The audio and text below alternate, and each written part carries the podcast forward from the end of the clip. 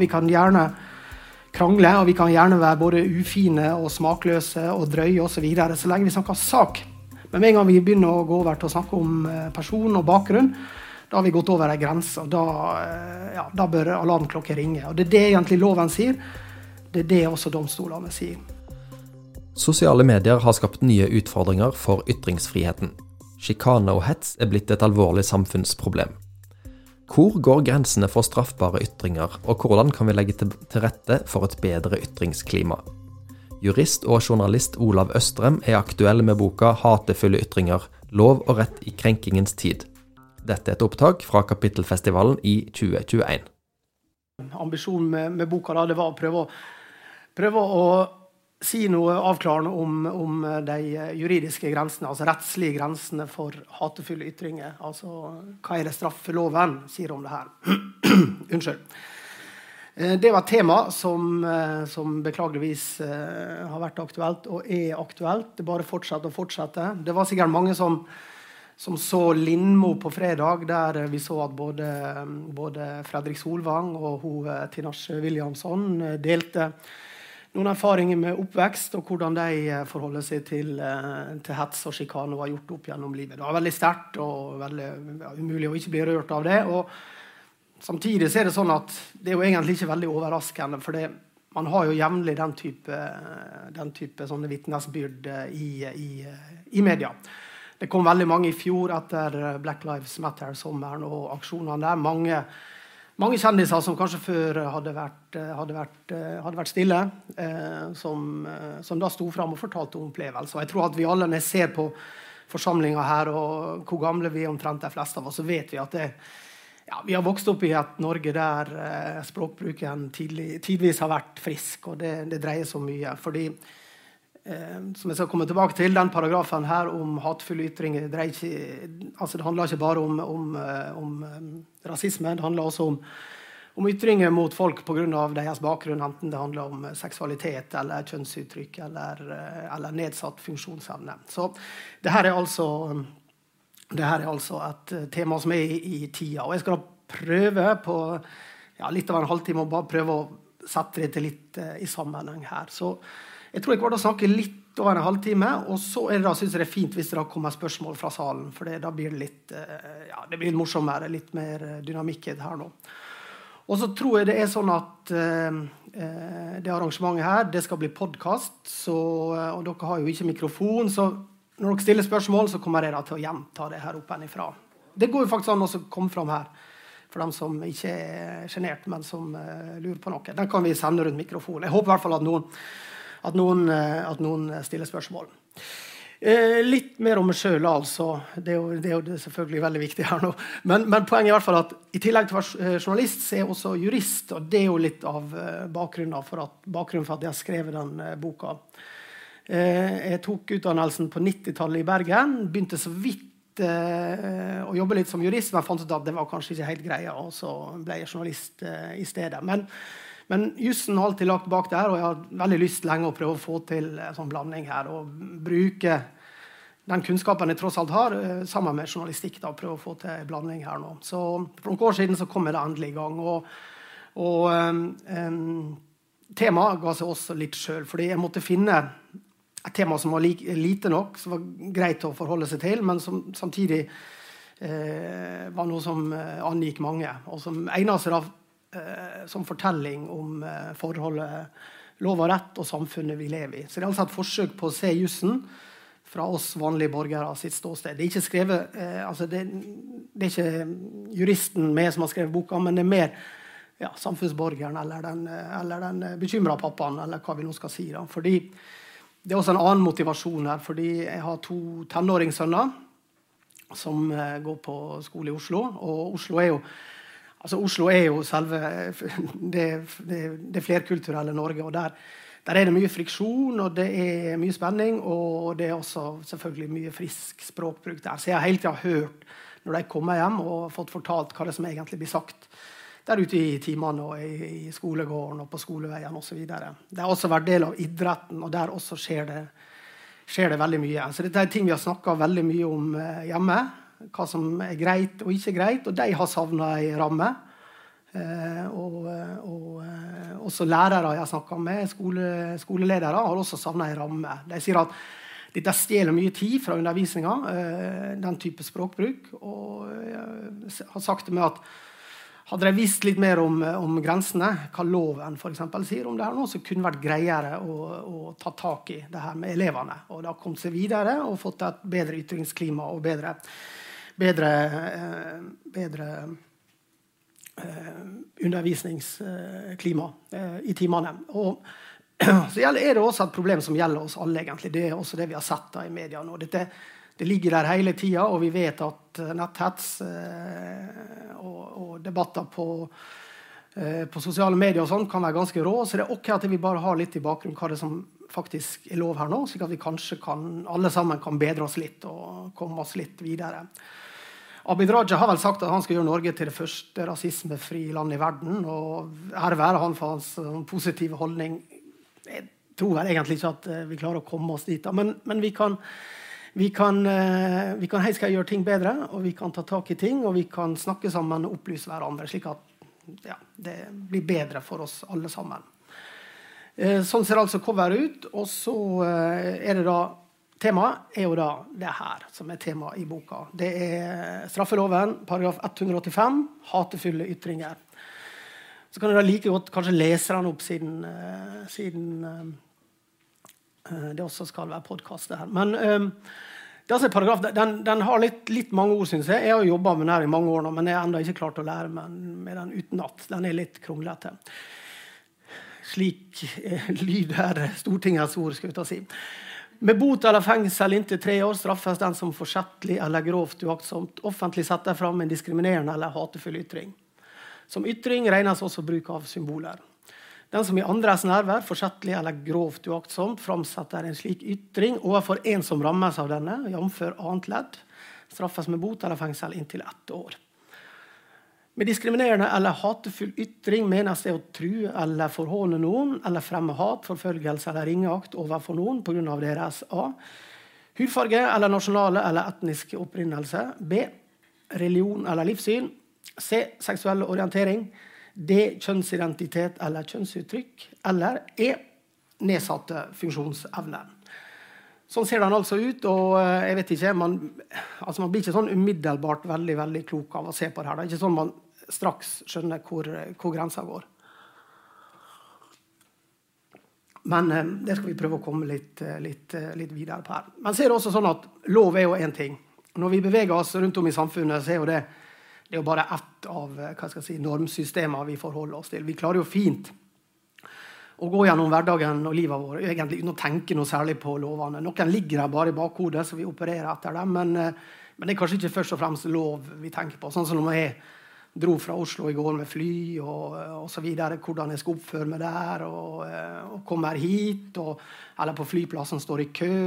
Og oppfører meg på hotellrommet. Det er jo sånn, Jeg vet jo litt hvordan disse tingene her skal gjøres. Det er jo ikke lov eh, som forteller meg det. Selv om en del av det nok er regulert i lov også. Da. Men poenget er eh, det er masse norm, normsett rundt oss som, eh, som, eh, som, bestemmer hvordan vi handler her nå. Da har jeg da lånt eh, noe som kalles navigasjonshjulet. Det er da, så det står der, utvikla av Einar Øverenge, han er filosof, og Øyvind Kvalnes i Humanistisk Akademi. Det er et forsøk på å si da, hva som hva det som spiller inn da når vi, vi, går gjennom verden her og, og skal ta beslutninger. Og da, da har man, eh, altså Det er identitet, som handler om verdiene våre. Det er moralen, hvor riktig ting er. Og så har du omdømme og økonomi. Det er nok sikkert litt mer sånn mot, uh, retta mot næringslivet. Og så er det etikk, som heller er Jeg klarer aldri helt å bli enig med meg sjøl om sammenhengen etikk og moral, men det er vel et eller annet grunnlaget bak moralen, altså drøftingene bak, da, som ligger der som etikken. Og så er det jus. Er det lovlig? For det er ei av grensene. Men det er bare ei av grensene. Og det er litt, det er litt ok å få med seg at det at uh, lenge før man kommer til straffeloven paragraf 185, om hva som ikke er greit å si, så er det andre vurderinger vi gjør da, som forhåpentligvis gjør at uh, vi stopper. Uh, det handler om folkeskikk, og det handler om ja, normal høflighet og hvordan man skal oppføres med hverandre. Så forhåpentligvis så trenger man egentlig ikke den loven, da, fordi, fordi det er andre mekanismer som slår inn lenge før det. Samtidig er det sånn at vi vet jo at det er ikke alltid nok med vår egen moral og hva vi nå har blitt enige om, usagte, uskrevne regler osv. Av og til må det, må det hardere lut til. Og det, sånn har det vært i tusenvis av år. Eh, lov er jo det er gammelt som uh, fjellet, og sikkert eldre enn det. Men vi vet at i hvert fall for 4000 år siden så holdt jeg på med det her nå. Og det, det er sånn at det eldste, det eldste lovsamlingen vi kjenner til, det er da den her nå. Det er da en, en sånn eh, søyle her nå. Hammurabis lov. Han var konge i Babylon, og disse her er fra rundt eh, 1800 før Kristus.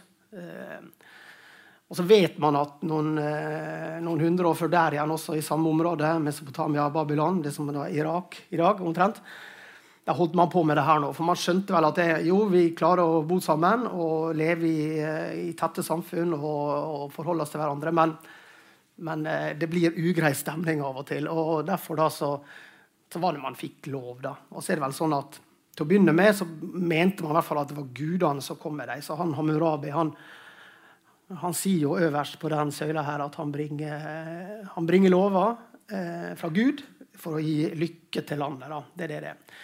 Den inneholdt 282 paragrafer. Det med sånn kileskrift. Det heter det vel sånne eh, linjer satt sammen her nå. Eh, veldig mye om fast eiendom, overdragelse og en del sånn strafferett. selvfølgelig. Så på en måte er det ganske avansert, fordi man prøver å ta hensyn til den svake. Og så er det ganske eh, nitrist på andre måter. Ikke uventa så får, eh, blir slaver dårlig behandla her nå i lovverket, og kvinnenes rettsstilling også er så som så her nå. Kanskje ikke noe bombe, det. Men ja. Dette her, men dette her er gammelt. sant? Og så går det mange år, og det andre som er flinke her, og det er grekere og romere, men også nordmenn etter hvert eh, eh, skjønner at vi må ha lov eh, for at det skal bli noe greier. Og det, det første tegnet til lov her er vel eh, Frostatingsloven og Gulatingsloven. Eh, og på Frostating ser du da i dag reise en sånn bauta der det da står 'Med lov skal landet bygges'. Og på eh, 1200-tallet vel, så ble da de lovene samla i eh, de første landslovene. Og Da lå Norge ganske langt framme. Det, det, det, må sies her nå. Eh, eh, vi var et av de landene her som var tidligst på det her nå. Fikk ett samla eh, lovverk her nå. Poenget er i hvert fall at loven er der og skal bygge landet. Og den omgir oss overalt, for det, blir jo hele tida vedtatt en haug med lover og, og, og, forskrifter kommer ut av, eh, av statsmaktene. Eh, så dette her er fortsatt et prinsipp som gjelder. Med lov skal landet bygges. Men så er det sånn at Hvis dette her skal funke, så må vi jo kjenne til eh, disse lovene. Det er ingen vits at de bare er der hvis at bare noen få vet om det. Vi må, vi må, vi må vite at de er der, og vi må sånn cirka vite hva som, hva som står i dem. Og det, det, er, det, er, egentlig det da som har vært mitt, uh, mitt utgangspunkt, uh, mitt utgangspunkt for det arbeidet med denne boka. her nå. Det å prøve å finne ut hva det er som faktisk blir sagt eh, i loven om akkurat mitt emne, hatefulle ytringer. Og så har jeg prøvd å undersøke litt om vi faktisk eh, kjenner til loven, og om vi skjønner hva som står der. Og det er da etter hvert fant ut det at eh, ja, vi, vi, vi, vet ikke nok om den, og vi kjenner egentlig ikke innholdet. Så der har vi en jobb å gjøre. da. Vi må alle sammen vite litt mer, og da må vi opplyses bedre, og det må snakkes, eh, snakkes mer om. Loven er også sånn at at den signaliserer et alvor. Når Stortinget har vedtatt en lov og sagt det, så er det fellesskap som har sagt det, og man har lagt ned grenser hit, men ikke lenger. Og Det er forhåpentligvis sånn det skal funke da med den paragraf 185. At det, det her er i hvert fall ikke lov, så dere må uansett aldri gå over den grensa. Prøv å holde dere, må ikke prøve egentlig nærme dere den heller, men i hvert fall der går grensa. Og igjen, da er det avgjørende at vi, at vi, at vi kjenner til det her nå. Før jeg da går inn i paragrafen, så må det også nevnes at det fins litt sånn eh, lovgivning eh, rett rundt, i området rundt. Eh, man har bl.a. likestillings- og diskrimineringsloven, som jo forbyr trakasserende ytringer på bakgrunn av etnisitet, religion, livssyn, funksjonsnedsettelse, seksuell orientering, kjønnsidentitet og kjønnsuttrykk. Så det er allerede forbudt. Det er forbudt å komme med språklig trakassering på bakgrunn av, eh, av eh, de opplista grunnene der nå. Eh, Men så er det klart, dette, dette, vil jo ikke føre til straff. Dette er mer sånn man kan bruke i et krav i, en annen sak. eller noe sånt, der Man kan få slå fast at noen har eh, brutt loven, og man kan få økonomisk erstatning. og Det, ja, det, det kan brukes i jobbsammenheng osv. Men det er altså ikke noe straffbart. Men det, det ligger altså der som et prinsipp. Det er viktig. Um, andre verbale utfall som kan ende opp med straff, det er jo da noen få av det her, i hvert fall, er paragraf 183 i straffeloven, som er oppfordring til straffbar handling. Det er 263 og 264, altså paragrafene. Det er om trusler og grove trusler. Og så er det paragraf 266 og 267 om hensynsløs atferd og krenkelse av privatlivets fred. Det er altså paragrafer som også kan tenkes å brukes der man ikke er inne i hatefulle ytringlandet. Så skal vi si litt mer etterpå om hva som faktisk betyr eh, å være omfattet av straffeloven paragraf 185. Men det er klart, for f.eks. Eh, sånne type hets på, på, nettet, en del sånn stalking og sånne type ting, det kan falle inn under det der. og sånn. Så Det er gjerne en del unge mennesker som har spurt meg etter å ha opplevd masse, masse dritt på internett hva kan vi gjøre med det her nå? Og, sånn. og så sier de ja, hvis ikke det er paragraf 185, så kan det være en av de andre paragrafene. Poenget er i hvert fall at det finnes mange bestemmelser eh, som rammer det med, med, hets og sjikane. Men altså den som er, er mest uh, kjent og mest uh, omtalt, det er da igjen det er paragraf uh, 185. Um, bare si helt kort at, at formålet med den Eh, det burde jeg kanskje tatt med deg. Men altså, den er plassert i kapittel 20 i straffeloven, som har som overskrift 'Vern av offentlig ro, orden og sikkerhet'. Det er altså det den paragrafen skal eh, prøve å ta tak i. Det er egentlig ikke for den enkelte som føler seg krenka. Det er ikke derfor vi har paragrafen. Selv om eh, en bieffekt av at vi har paragrafen, er at enkeltmennesket kan, eh, kan føle at de har et vern. Men, men det er altså fellesskapet som skal vernes av denne paragrafen. Det er altså sånn at hvis det finnes da noen eh, som pga. de opplista grunnene med bakgrunn, altså eh, etnisitet, hudfarge, religion, seksuell orientering Hvis det er da noen som eh, blir hetsa mens de tar, eh, tar, ordet i offentligheten, så kan det være at de trekker seg tilbake fra offentligheten. Det har vi sett, sett mange tilfeller på. Folk som vil delta, og kommer med mening i en saklig debatt, men så får de bare masse dritt tilbake igjen på ikke på sak, men på hvem de er som person. Det gjør at de personene ikke vil være med i debatten. Og ergo blir vi da, eh, altså blir debatten fattigere, og vi som, eh, vi som samfunn blir fattigere. Det er veldig viktig at, at, så mange som mulig er med. og Det er derfor, det er litt viktig å huske på at det er derfor vi har paragrafen. Det, det er det som er formålet med den. Det er litt interessant når man skal drøfte hva som er brudd på paragrafen. At, at det, er det, som, det er det som ligger bak her nå. Eh, mm, så er det også sånn at man har i bakhodet her at altså man vil ikke ha grupper som blir atskilt, at noen blir plaga så mye, hetsa så mye at det trekker seg tilbake, og det oppstår skillelinjer i samfunnet. Det kan piske opp eh, hat og fremmedfrykt og sånn. Det, det, er selvfølgelig farlig og litt tendensiøst å si at det var hatefull ytring som førte til andre verdenskrig eller, eh, eller folkemordet om det var Rwanda eller, eller, Jugoslavia. Men det er klart, eh, i opptakten til den type konflikt så har eh, hets og sjikane vært aktivt brukt. Det er en del av bakgrunnen her nå. Så det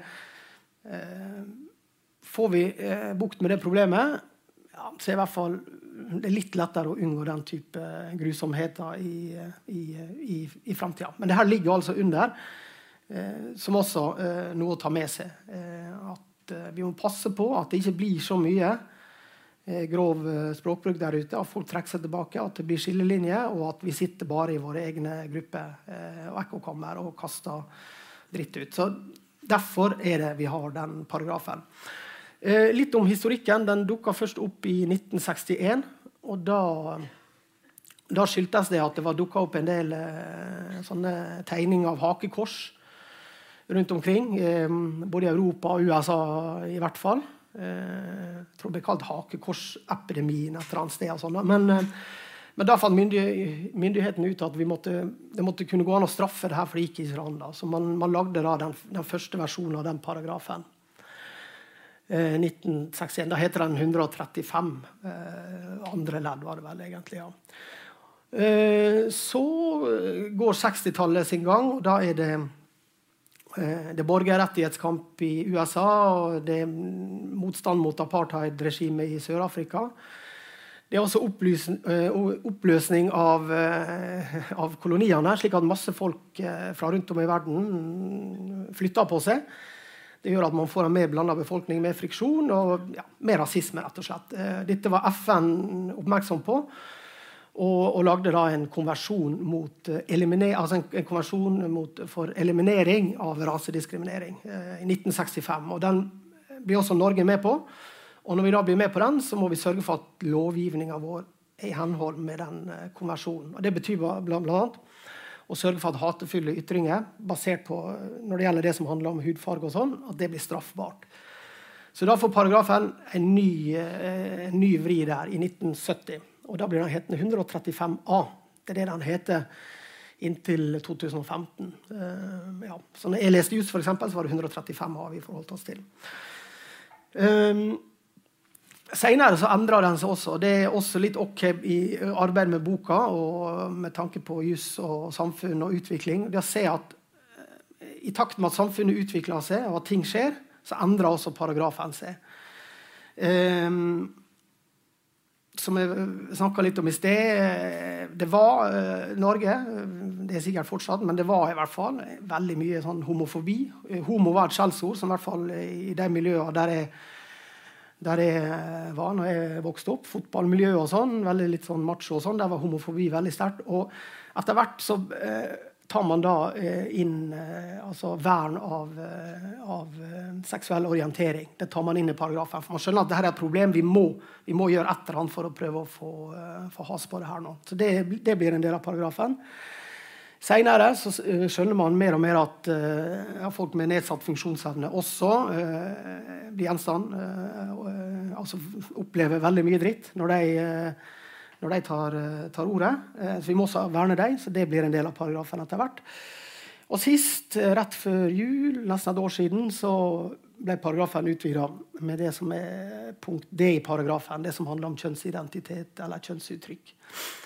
Det handler da om at man har sett at, at mennesker ja, i det som er si, flytende kjønnsidentitet, eller hva man nå kaller det, at uh, også opplever veldig mye hets. Og, uh, ja, så fort man tar ordet og viser fram i offentligheten, så kommer det masse greier. Derfor er også det en del av paragrafen. Uh, så slik er det nå. Det må også nevnes at rett før jul i samme omgang, som det ble utvida, så foreslo Frp å, å, fjerne hele paragrafen. Det er sånn krav som kommer jevnlig fra andre miljøer også. men resten av Stortinget var ikke med på det. Så det er altså en paragraf som står veldig sterkt blant våre folkevalgte. Det er bare Frp som, eh, som egentlig mener at den bør, eh, bør, skrotes.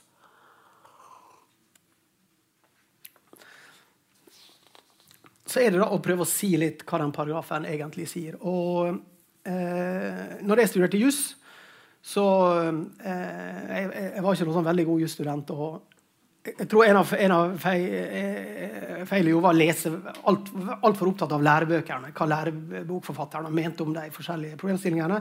Pugge det. Og pugge eksamensoppgave, og så skulle det sikkert gå bra. Men man lærte jo ikke egentlig juss uh, av det. Men det, det, har jeg etterpå lært litt av en kar herfra, fra Stavanger. Arfinn Bårdsen. Han underviste i Bergen når jeg gikk der. Eh, veldig flink da. Ble senere høyesterettsdommer og er i dag eh, Norges dommer i eh, Menneskerettighetsdomstolen i Strasbourg. Så han er, han er, helt der oppe. Veldig veldig flink jurist. Og Han sier at når de jobber i Høyesterett, når de da får viktige saker inn på sitt bord, så sier han det vi gjør, vi bare ser hva som står i loven. Eller ikke bare, men det er det vi begynner med. For det er egentlig det enkle det beste, sier han. Du må lese hva som står i paragrafen. Lese sakte. Mange ganger. Hvor er det eh, punktum, hvor er det komma? Hvorfor har lovgiver sagt akkurat det? her? Så han mener at Det er det det egentlig handler om just kan, hvis ting fortsatt er uklart, så kan du etterpå se hva, hva domstolene har sagt.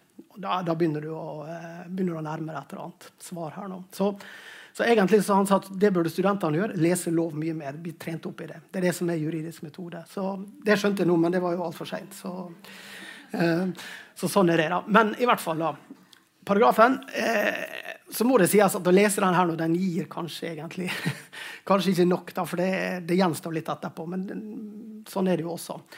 Det som er viktig, i hvert fall, som er den på en måte vilkåra i paragrafen, det er det som, eh, som står da i første setning der nå, andre linje. Offentlig setter fram. Det er det ene kravet her nå. Det er altså ytring som må være offentlig.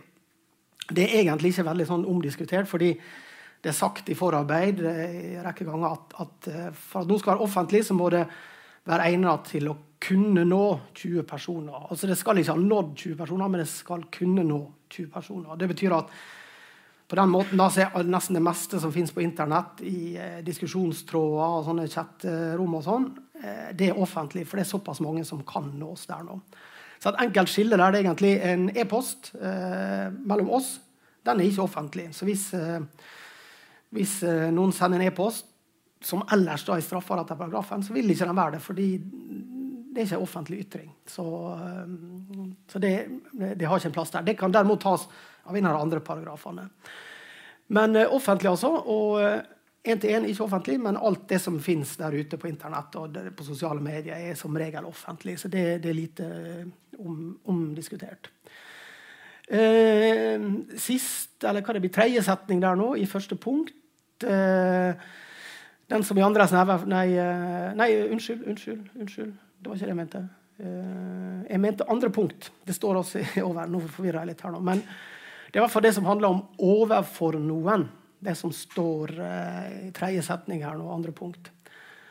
At du skal true eller forhåne noen eller fremme hatforfølgelse eller ringeakt overfor noen. Og Det virker litt sånn tilforlatelig, men det er litt viktig, fordi det man da gjør, da, at man da klarer på et vis å skille mellom sak og person. Så det betyr at disse ytringene må være retta mot noen. Altså en bestemt gruppe, en bestemte personer. Uh, og det, det, enkleste eksempelet vi ofte bruker, det er at uh, altså, uh, altså, islam, man, altså, islam kan ikke bli krenka og ergo falle inn under hatefulle ytringer. Men muslimer det kan man, det kan man slenge hatefulle ytringer til og bli straffa for det. Så det er et eller annet skille mellom, mellom emne og person som er viktig å få med. Det kunne kanskje vært formulert enklere. og Ytringsfrihetskommisjonen jobber jo med, med slike spørsmål nå. Jeg tror at det kommer til å komme et nytt uh, forslag til paragraf. da. Uh, ja. Det blir spennende å se hva de, hva de sier der. Men, uh, men det er altså viktig å få skilt mellom person og emne. Så er det da de gruppene som er opplista i punkt A til E. og Det, altså, det betyr at det er kun ytringer eh, pga. disse tingene som kan bli straffa. Det betyr f.eks. Eh, om man har hatefulle ytringer, forholdende ytringer mot f.eks. kvinner, så vil ikke det kunne straffes av den paragrafen, for de er ikke lista opp der nå. Det er, vel, det, det er, fordi man har tenkt at det, det, skal være en minoritetsbestemmelse. Den skal ikke utvannes. Den må ikke kunne gjelde alt. Det skal, øh, det, det skal handle om noen personer som historisk sett øh, har vært utsatt for hets. Eh, derfor er de gruppene eh, om, om bakgrunn da lista opp. Og dette er sånn, noe historisk, som vi vet om. Om det nå er jødeforfølgelse eller andre ting. Og noe da handler om samfunnsutvikling, sånn som jeg har sagt. At uh, man får, får, på mer og mer da, til sist da, kjønnsidentitet eller kjønnsuttrykk. Så da har man da på en måte um, tre vilkår her. Det skal være offentlig, det må være overfor noen, og de noen må må tilhøre noen av de gruppene. Det er greit. Så er det da det som eh, man prøver å si her nå. At en hatefull ytring det, mener, det, er å true eller forholde noen eller fremme hatforfølgelse eller ringeakt. Og det er sånn, ja, Hva menes med det, egentlig? Dette her er vanskelig. og Det er ikke helt sånn umiddelbart uh, enkelt um, å vite um, hva man snakker om her nå. Uh, for det Sånn er jo jussen, og sånn er norsk lov. Altså, det er ikke sånn uttømmende paragrafer der alle mulige typer tilfeller kan regnes opp. Da ville jo paragrafen blitt uh, lang som bare det. Eh, så det er jo ikke praktisk mulig, egentlig. Eh, så er det også sånn i Norge at paragrafer er relativt korte. Man prøver å holde det enkle, så, kan, så at vi kan, eh, vi kan skjønne dem. Men det man har gjort på en måte her, da, det ender opp med en paragraf som istedenfor å si ja, det er forbudt å kjøre over 60 km i timen, som har sagt det er forbudt, å kjøre for fort. Og så blir det opp til da, eh, oss, samfunnet eh, og, og, og, de som praktiserer loven, å bestemme hva som menes med for fort. Det er egentlig det det er. Og da i jussen å finne ut og tolke hva som da menes med det her, det betyr som regel jussen at det er domstolene som, eh, som, har fått jobben med å sette disse grensene. Det betyr at når domstolene gjør det, så kan da grensene flyttes litt i takt med, med at samfunnet utvikler seg. Så sånn sett også sier det litt om at jussen kan være dynamisk, og, og, og, fordelene ved det.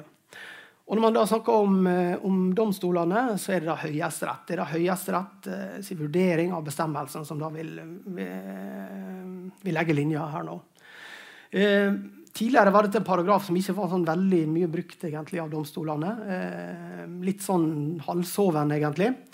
Det er først fra 2015 man begynner å ta veldig tak i det. Og det skal regjeringa Solberg ha. Det var de som satte i gang masse arbeid og strategi, dokument. Og, så og fikk prioritert det. Politidirektoratet, påtalemyndighet eh, fikk beskjed dere må ta tak i dette nå. Vi må få, vi, vi må få prøvd den type saker i retten, slik at vi kan vite hva det er som faktisk, eh, faktisk eh, er grensene her nå. Så det, det, så man veldig mye. og, og eh, i fjor så fikk man da hele tre saker i Høyesterett. Det er veldig sjelden. De forrige sakene i Høyesterett om tematikken det var én i 2012 og én i 2018. Men i fjor fikk man altså tre stykker. Så det betyr at det virker som at Høyesterett og myndighetene var opptatt av nå må vi bare, vi må sette noen grenser her, nå, slik at vi vet hva vi har å forholde oss til.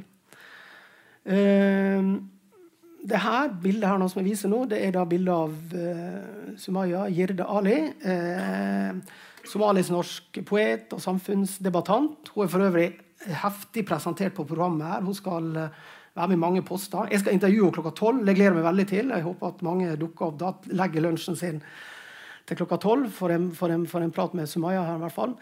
Men um, hun, hun, var på en måte hovedperson i en av disse sakene som gikk for Høyesterett, uh, høyesterett i fjor. Uh, etter, etter mange år med hets, etter at hun gjorde akkurat sånn som jeg venta av gode borgere. Hun deltok i samfunnsdebatten, skrev debattinnlegg, stilte debatt var her og der. Så ble det bare mer og mer og mer hets. Til å begynne med begynte det med at hun var for ung. Hvordan kunne hun hun var så ung mene så mye og så sterkt? Så gikk det da gradvis over til eh, det at hun kommer fra Somalia, det at hun er svart, og det at hun går med hijab. og sånn. Altså, det ble veldig mye på en gang her nå, og ekstremt mye hets. Og mange blogger og nettsted la ut litt sånn tendensiøse saker. og det Resultatet var da kommentarfelt som var det er så stygt at du, ja, du aner ikke. Jeg skriver litt om det her nå i boka mi. litt bakgrunn for det.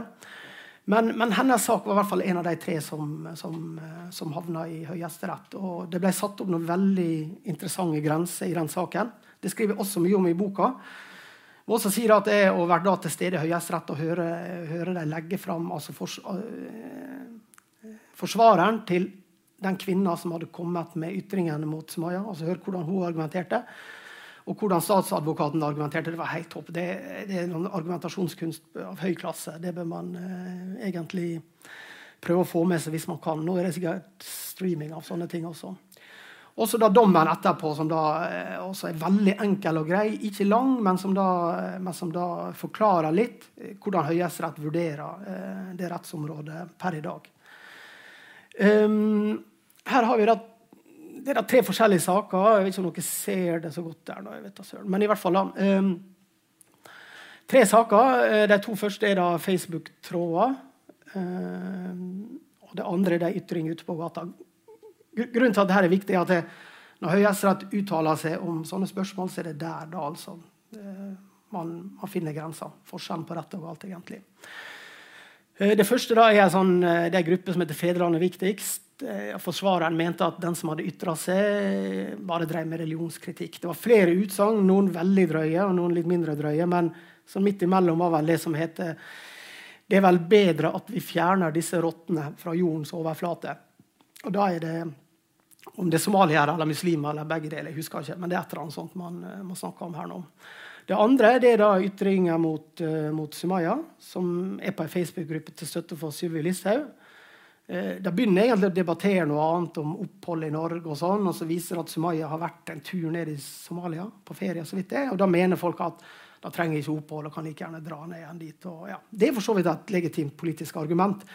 Men det da hun dama sier, det er fanden svarte avkom, reis tilbake til Somalia, blir der, din korrupte kakerlakk.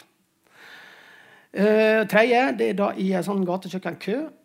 Eh, en ung norsk mann eh, med afrikansk opprinnelse står og venter. Aner fred og ingen fare. Så kommer det ei dame opp til han, litt bedugga litt sånn, det er sent på kvelden. Og så sier hun 'jævla utlending', kom deg tilbake til Afrika, der du kommer fra. Det er det han sier. Å bli anmeldt og bli sak. Alle disse her ytringene blir jo anmeldt og etterforska. Og, og, går da først til tingrett, lagmannsrett og så høyesterett. Og alle disse ender da med, med, dom. Alle blir dømt her nå. Og Det som er viktig å få med, da, som da tillegg til det loven sier om paragrafen, eh, det er at i de to første så mener forsvarerne at, at dette handler om eh, ytringsfrihet, eh, politisk meningsskifte, religionskritikk. Ergo må det være greit. Mens Høyesterett bare slår fast at nei, dette har ingenting med politisk ordskifte å gjøre. Dette er altfor langt unna. Dette her er bare eh, æreskjelling og grove karakteristikker. Det har ingenting med politikk å gjøre. Så man, man, eh, man slipper ikke unna den grunn. Det er ett prinsipp. sant? Eh, det skal mye til. Eller det, nei, ikke at det skal mye til, men man må huske på å skille mellom det politiske ordskiftet og det som bare er hets og sjikane. Det er viktig å skille der nå. Eh, og Det andre punktet der, det blir også gjentatt i den Sumaya-saken. Det med å skille sak eh, og person. For det, det sier det helt eksplisitt i den dommen. At, eh, at, eh, at, det her nå, det handler bare om person, det handler ikke om sak. Det, det handler ikke om en politisk debatt om opphold i Norge. og sånn. Det går rett på hennes person, og ergo er det brudd på straffeloven. Det er også et viktig punkt å få med her nå. Eh, når det gjelder tredje der eh, det som er viktig å få med der, det er at det, det de sier der, som også er sånn ekstra grunn til at vedkommende blir dømt eh, i den jævla utlending, det er at det er konteksten. For det er vedkommende, eh, den unge mannen, står bare i køa, aner fred og ingen fare. Og så kommer bare hun dama rett opp til han og begynner å skjelle han ut. Det har ingen forhistorie. ingenting. Det begynner ikke med noe diskusjon. med annet, Det går rett på sak. Så kontekst eh, er også viktig. Um, og I den saken har de også sagt at Høyesterett har sagt at det her skal være den nedre grensa for straffbare ytringer. Så man må tenke seg at Hvis man lurer litt på hva er det som er ulovlig å si, så er omtrent der er grensa. Det der er i hvert fall ulovlig å si. Det som er verre enn det, det, ja, det er ulovlig. Og så går det en grenser der nå, da, med, med, med de, med de uttrykkene der nå. Og da er man da i nærheten av å si noe om hva som er da til sammen eh, ja, det som Høyesterett sier kvalifisert krenkende eller eh, nedvurdering av menneskeverdet. Og Det er der eh, grensa går i retten. Men det er jo i retten. Og de færreste av oss skal jo forhåpentligvis dit. og Når vi snakker med folk rundt oss eller med barn eller andre, så er det, altså det, er, jo, det er jo sjelden at det går så langt som det her nå. Men dette er i hvert fall den grensa som straffeloven har satt. Og det tenker er viktig å kunne med det, Én ting er å, vite at der går grensa.